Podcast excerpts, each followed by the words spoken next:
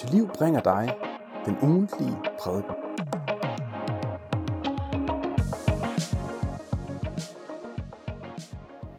Formiddag. Det er mig, der hedder Nikolaj. Vi er øh, i gang med en serie, det har været et stykke tid, som vi har valgt at kalde Guds historie. Baggrunden den er jo lidt den, at i Bibelen, der definerer Gud sig ikke bare ved, at han sådan kommer med sådan nogle udsagn omkring sig selv. Jeg er Herren. Jeg er evig, eller sådan nogle ting og sager. Det gør Gud også i Bibelen, men han definerer sig selv måske næsten primært gennem den historie, som han skaber og styrer og man kan sige, skriver ind i virkeligheden igennem hele Bibelens fortælling. Det er lidt ligesom, hvis jeg skulle lære Ulla, undskyld, nu nævner jeg dig, Ulla, og kende. Jeg kender Ulla godt. Det gør jeg blandt andet, fordi jeg ikke bare ved, at hun er professor og sådan nogle ting. Det er fordi, jeg kender lidt til Ullas historie, fordi den definerer Ulla. Ikke også? Og sådan er det også lidt med Gud. Det er hans historie, der fortæller os en hel del om, hvem han er. Og i den her serie der har vi så valgt at øh, fokusere på nogle hovedkapitler i den her historie, og, og prøve at sige, hvad fortæller det her afsnit, det her kapitel, hvad fortæller det os om, hvem Gud egentlig er, hvordan han er? Det er det, vi prøver at gøre. Og jeg har naturligvis ikke sådan øh, tid til et sådan fuld recap på, på hele historien her, men vi skal alligevel sådan have et par få indledningsmanøvrer, inden at vi læser den tekst, som vi skal have fat i i dag, fordi der er noget vigtig baggrund, som vi skal have fat i. Og jeg skal faktisk helt tilbage. Okay? Afsnit 1, der skabte Gud himlen og jorden og alle ting. Og som kronen på værket, som sine vise konger og dronninger, så skabte han os mennesker i sit billede, for vi skulle herske over naturen og alt det, der er i den på en god måde. Men så blev vi forledt, i kapitel 2 har han sagt, af djævlen, slangen, til ikke at stole på Guds godhed. Og gøre den ene ting, som Gud havde forbudt de første mennesker at gøre. Og ved at bryde Guds bud der, der pådrog de sig selv og ellers andre, der har fulgt efter dem, en, en frygtelig skyld, som havde nogle forfærdelige konsekvenser. Naturen, den var ikke længere bare skøn med solnedgang og flotte bjerge osv. Den blev også truende og nogle gange skræmmende. Faktisk så blev den til en, en modstander, vi altid i sidste ende taber til. For vi er alle sammen blevet underlagt døden. Og som en, en slags, hvad skal man kalde det, skygge af døden, kastet på forhånd ind over vores liv, som en påmindelse om, hvad der sådan ligger forude, der er vi alle sammen blevet underlagt sygdom. Og alt det her, det er udtryk for en virkelighed, der er dybere og ligger længere nede under det hele. Nemlig det, som Bibelen på sådan en symbolsk måde udtrykker ved, at slangen hugger kvindens afkom i hælen. Det kan se meget forskelligt ud i vores liv. Som regel så gør fanden det jo sådan indirekte, ikke også? Så ikke noget til ham. Han er mange lag nede i det hele. Nogle gange, som vi blandt andet skal læse, så er der mennesker, der oplever det mere direkte. Og den allerdybeste virkelighed i det hele, det er, at vi har gjort os selv til Guds fjender. Står med den her kolossale skyld over for ham. Og vi er magtesløse over for den her virkelighed, som er, at vi faktisk er på vej af helvede til. Således opmuntret går vi så videre til næste kapitel i det hele, som var, at Gud er en Gud, der elsker sine fjender. Det er derfor, kristne de får besked på, at vi skal elske vores fjender. Det er fordi, vi har en Gud, der elsker os mennesker, selv efter, at vi har gjort os til hans fjender. Og fordi han gjorde det, så gav han os et fantastisk løfte om, at et af kvindens børn en skønne dag skulle komme, og godt nok blive hugget i hælen, men han skulle knuse slangens hoved. Han skulle, han skulle komme en, der var stærk nok til at fjerne vores skyld, for vores venskab med Gud igen. Han skulle skaffe os sejr over sygdom og synd og død og djævel og det hele, og igen gøre os til de hersker over naturen på en god måde, som vi er skabt til at være. Og efter en masse afsnit med, hvad skal man kalde det, forberedelser på, hvordan den her løsning ville komme til at se ud, og afsnit, der pensler ud, hvor dybt vores problem egentlig stikker i os, hvor meget den her slangegift er ude i hver eneste kapillær i os, med antydninger af, hvordan at det hele ville blive løst en dag, så kom han, ham der skulle knuse slangens hoved. Men han kom på en temmelig uventet og, hvad skal man sige, paradoxal måde. Det der skete, det var, at den kvindes efterkommer, som skulle komme og stampe på slangens hoved, viste sig at være Gud selv, som lod sig blive til et menneske for os. Ikke forstå på den måde, at han ikke længere var Gud. Det var han stadigvæk 100%. Men han lod sig føde som et menneske, som han samtidig var 100%. Og det ved jeg godt ikke går op matematisk, det der. Jeg var faktisk med en gang, ikke? Og, og det kan vi ikke forklare. Det er et paradoks, det er et dybt mysterium, og det er mindblowing. Det er ikke tid til, men pointen i det, det der måske er det aller, aller vigtigste at forstå ved hele den her sag, det er, at den Gud, som vi tror på, det er en Gud, der har gjort sig selv synlig i vores verden, i vores historie, i et konkret menneske, som har vist os, hvem Gud er. Jesus, han er Guds ultimative selvåbenbaring, og det betyder, at hvis du spørger dig selv, hvem er Gud egentlig? Hvordan er han? Så skal du se på Jesus. Se på ham. Hør om ham. Læs om ham. Sådan er Gud. Det er Gud.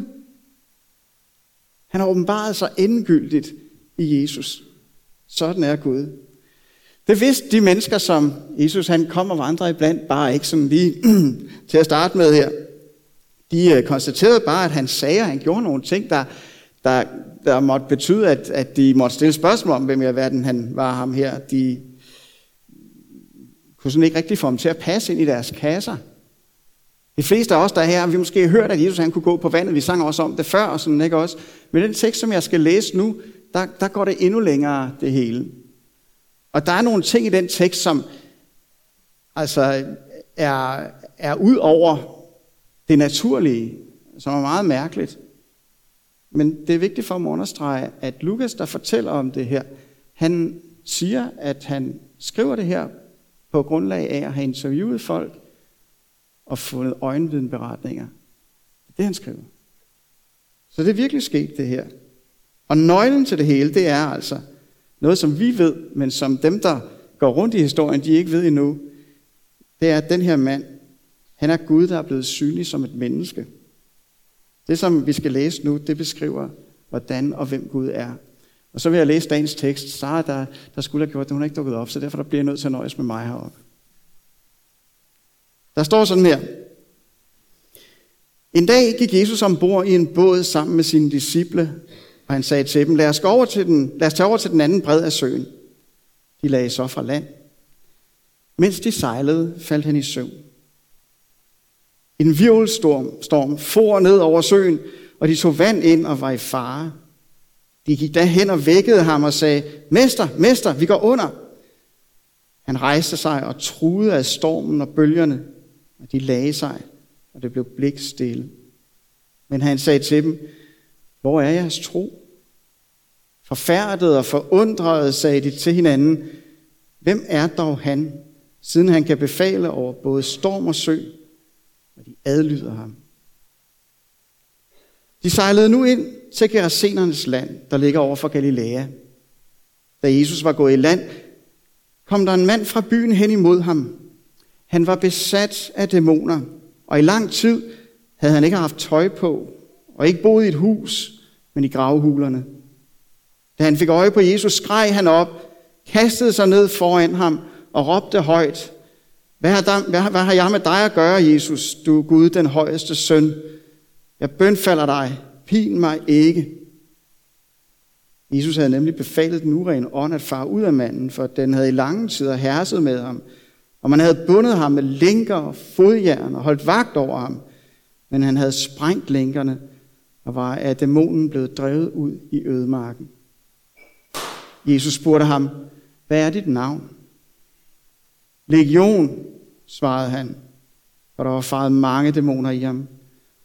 De bad Jesus om ikke at befale dem at fare ned i afgrunden. Der på bjerget gik der en stor flok svin og fandt føde. Og dæmonerne bad ham om at få lov til at fare i svinene. Det gav han dem lov til. Og dæmonerne for ud af manden og ind i svinene, og flokken styrtede ud over skrænten ned i søen og druknede. Men da svinehyrderne så, hvad der var sket, løb de deres vej og fortalte om det i byen og på landet. Og folk kom ud for at se det, der var sket. Og da de kom hen til Jesus og fandt den mand, som dæmonerne var faret ud af, siddende ved Jesu fødder, påklædt og ved sin fuld fornuft, blev de grebet af frygt. Stor frygt. Undskyld, nu blev det næste linje.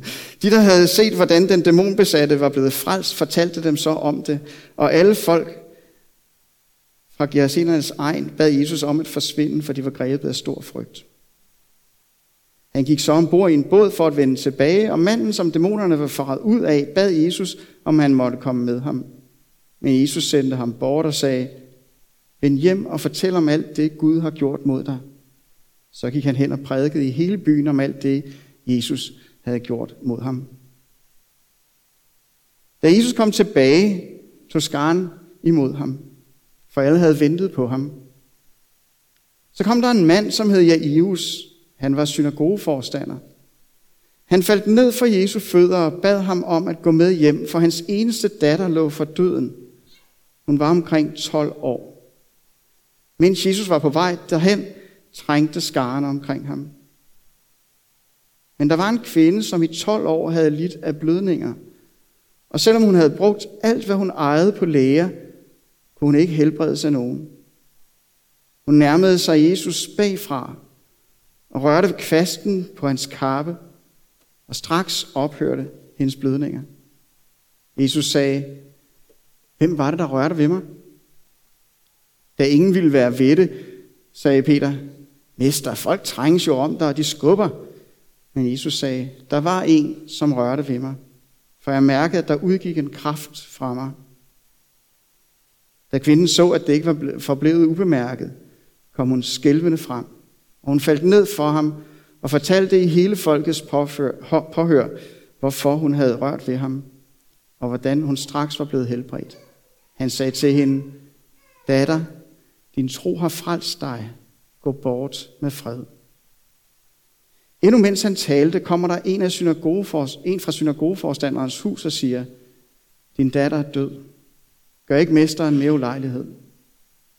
Men da Jesus hørte det, sagde han til ham, frygt ikke, tro kun, så vil hun blive frelst. Da han kom til huset, tillod han kun Peter, Johannes og Jakob og hendes far og mor gå med ind. Alle græd og jamrede over pigen, men han sagde, græd ikke, for hun er ikke død. Hun sover. De lå af ham, for de vidste, at hun var død. Men han tog hendes hånd og råbte, Pige, rejs dig op. Da vendte hendes ånd tilbage. Hun stod straks op, og han gav dem besked om at give hende noget at spise. Og hendes forældre blev ude af sig selv. Men han forbød dem at sige til nogen, hvad der var sket. Amen. Og en lang tekst, det ved jeg godt. Jeg håber, at I er her stadigvæk. Godt. Og nu begynder jeg min prædiken. Og der er seks punkter, I tænker, hjælp Nikolaj, der plejer kun at være tre, hvordan skal vi nå det her? Vi er næsten lige så bange som disciplene i båden nu. Øh, uden antydningen af yderligere sammenligning, så, så er der nogenlunde styr på det. Jeg siger, vi, øh, vi skal nok nå i morgen roligt. Der bliver seks punkter nu. Der er fire aspekter ved det, der er den røde tråd, der går igennem hele den her beretning. Det, der er den røde tråd, det er Jesu magt. Det er det, vi har givet overskriften over det her afsnit, Jesu magt. Og vi skal kigge på fire aspekter ved Jesu magt.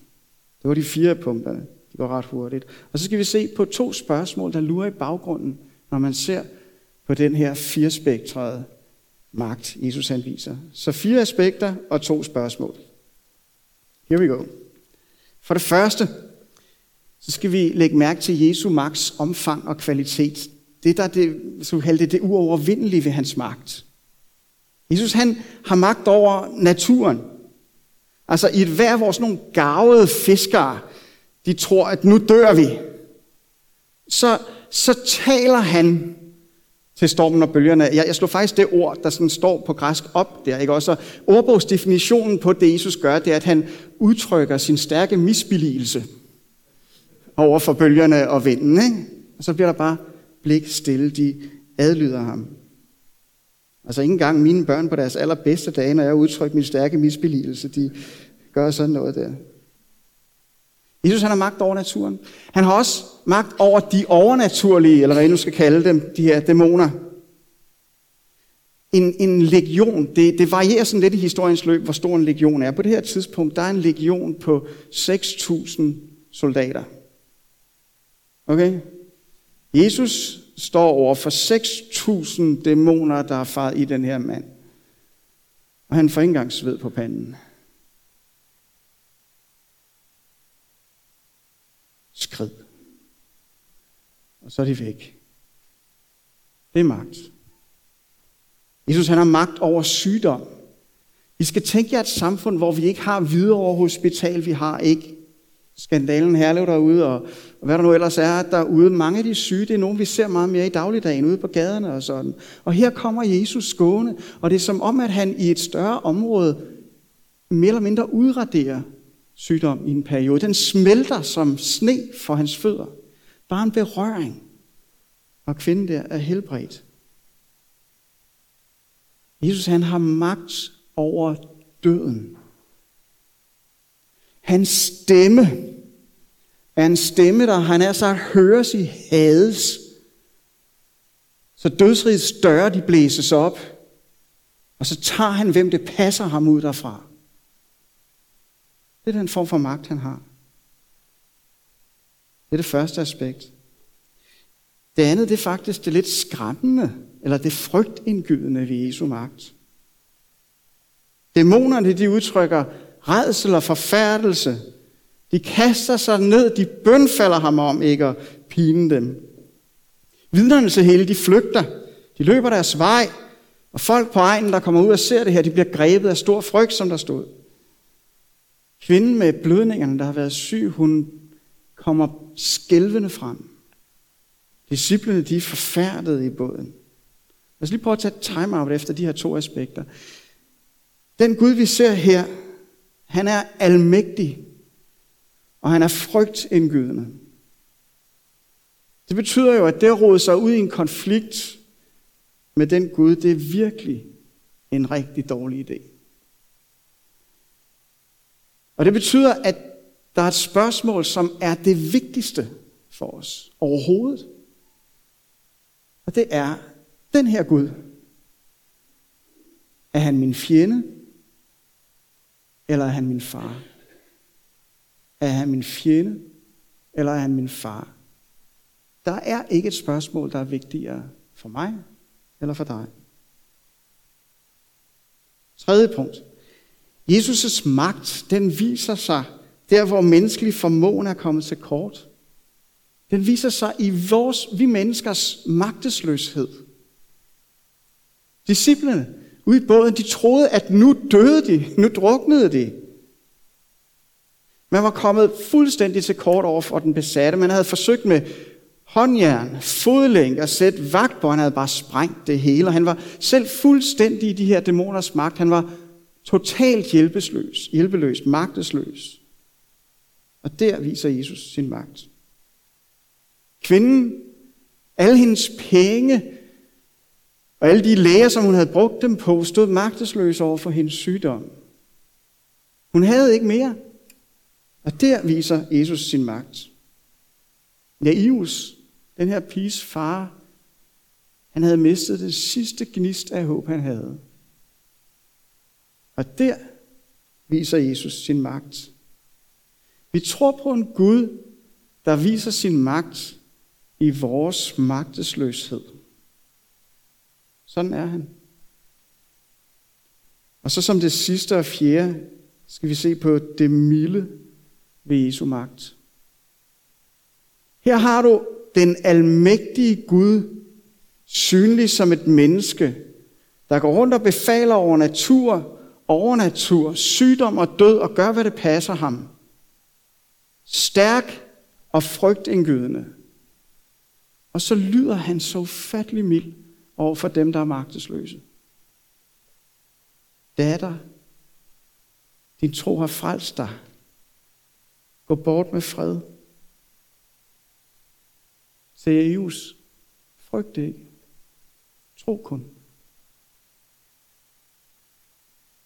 Til alle de der mennesker, der jammer, græd ikke. Og den der voldsomme stemme, der brøler ned i dødsriget, indholdet af den, det kan vi oversætte. Pigebarn, du skal op. Han havde jo sagt, at for ham, der var det her en søvn, han skulle vække et barn fra. Den Gud, som vi ser her, det er ikke en Gud, som vi kan kontrollere. Det er ikke en Gud, som vi kan give sådan en birolle som vores assistent i vores liv. Han er det ord i god, som alt andet får koordinatsæt efter. Han er den, der har ret til at være centrum for os. Men han er god. Han er uendelig stærk og frygtindgydende.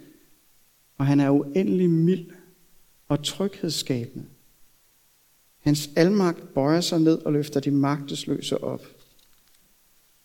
Det var de der fire aspekter. Nu skal vi se på to spørgsmål, jeg synes, der lurer i baggrunden på det her. For det første.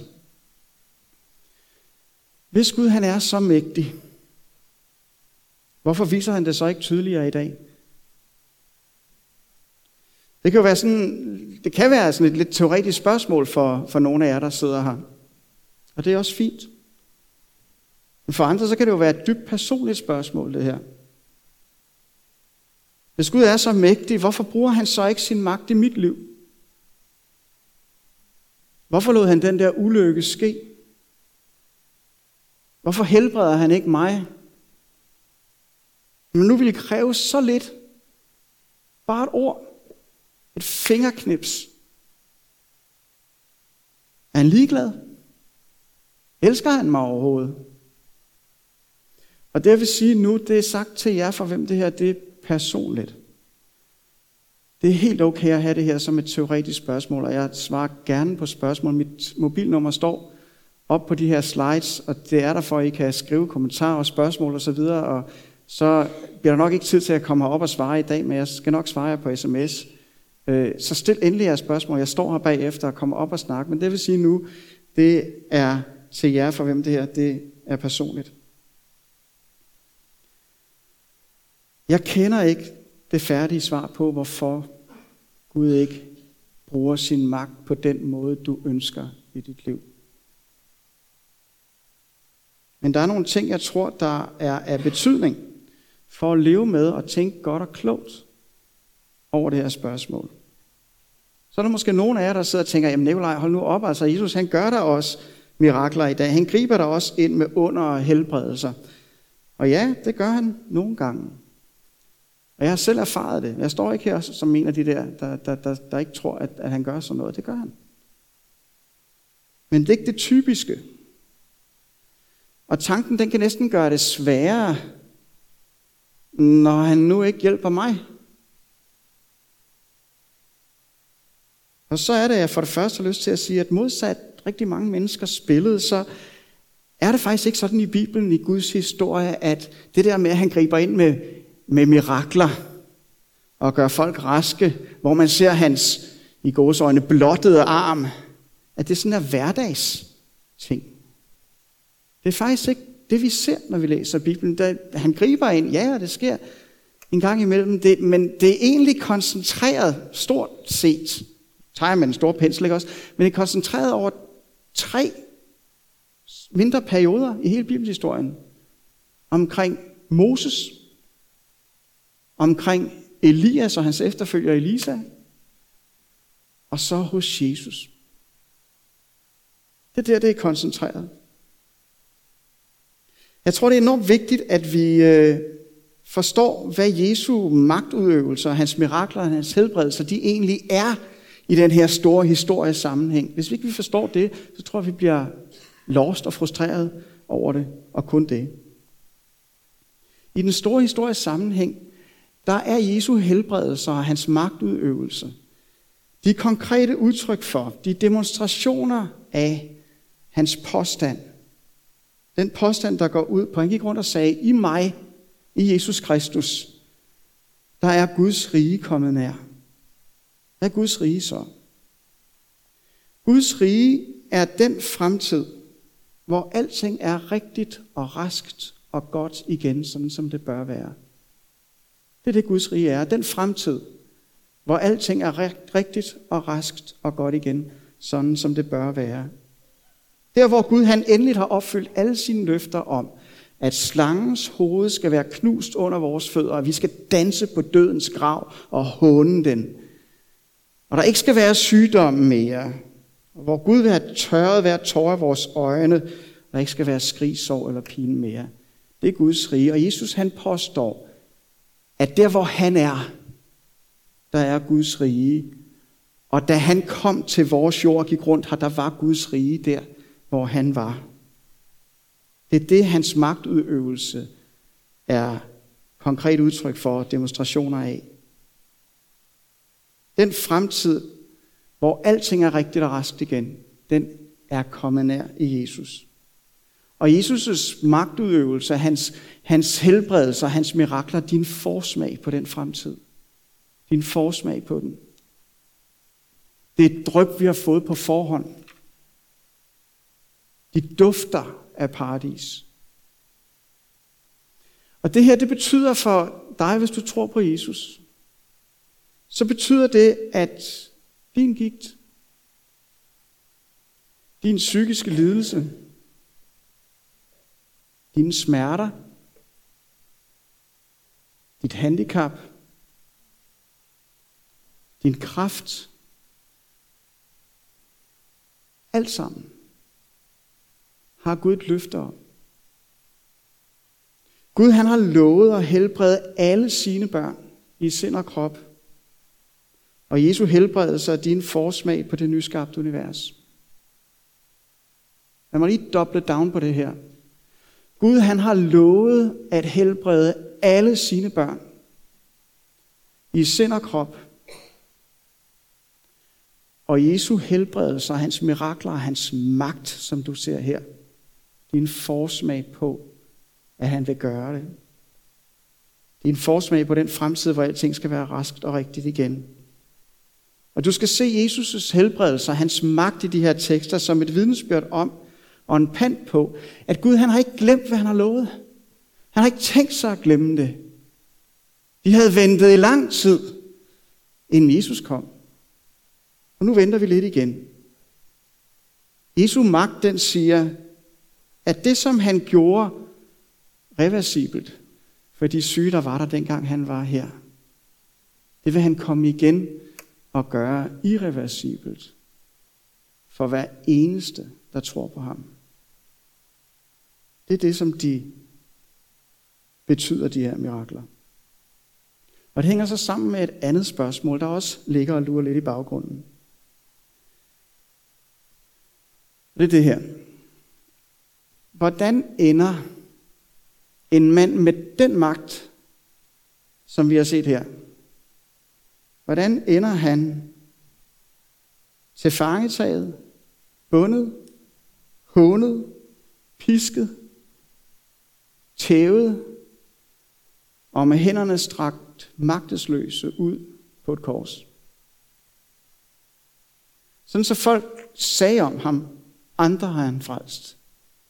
Sig selv kan, altså har han ikke magt til at frelse.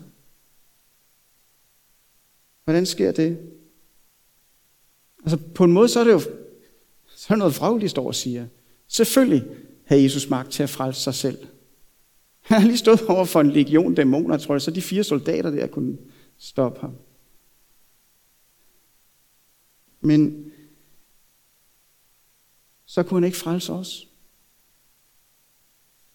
Så var slangens hoved ikke blevet knust.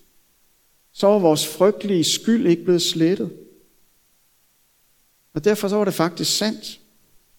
Jesus han kunne ikke frelse sig selv, hvis han ville frelse os. Frelse os fra den trussel, som sygdom og død og djævelens plageri bare er sådan overfladesymptomer på. Nemlig fra en evig forbandelse under Guds fred. Hvis det ikke bare skulle være sådan et kort glimt i Sibiriens mørke, det der med, at han befrier den besatte, at han helbreder kvinden, og at han siger, frygt ikke, tro kun til Jesus.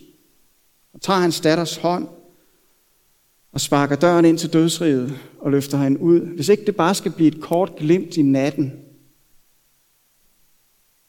så var det at hænge magtesløs på korset det, det kostede. Hvis han skal sige, frygt ikke, tro kun, og det virkelig skal holde hele vejen hjem, ind igennem døden, og på den anden side for altid, så var det det her, det kostede. Det kostede det den dag i Capernaum, vi har læst om, og det kom det til at koste på den yderste dag, når han vil vække og helbrede os, der tror på ham, irreversibelt. Den Gud, vi tror på, fordi hans historie beskriver ham på den måde, det er en Gud, der bruger sin ufattelige magt til og redde magtesløse syndere, der overhovedet ikke har fortjent det. Det er en Gud, der gør det ved at gøre sig selv magtesløs i vores sted. Så vi engang kan blive de mægtige konger og dronninger og herskere, som vi faktisk er skabt til at være. Guds hænder er ufattelig stærke, og de er ufattelig gode og milde. Og det ved vi, fordi de er gennemboret. Det er derfor, at nogle af jer, der kender mig godt, ved, at jeg tit siger til Jesus, at vi lægger os over i hans stærke og gode og navle hænder. Lad os gøre det nu.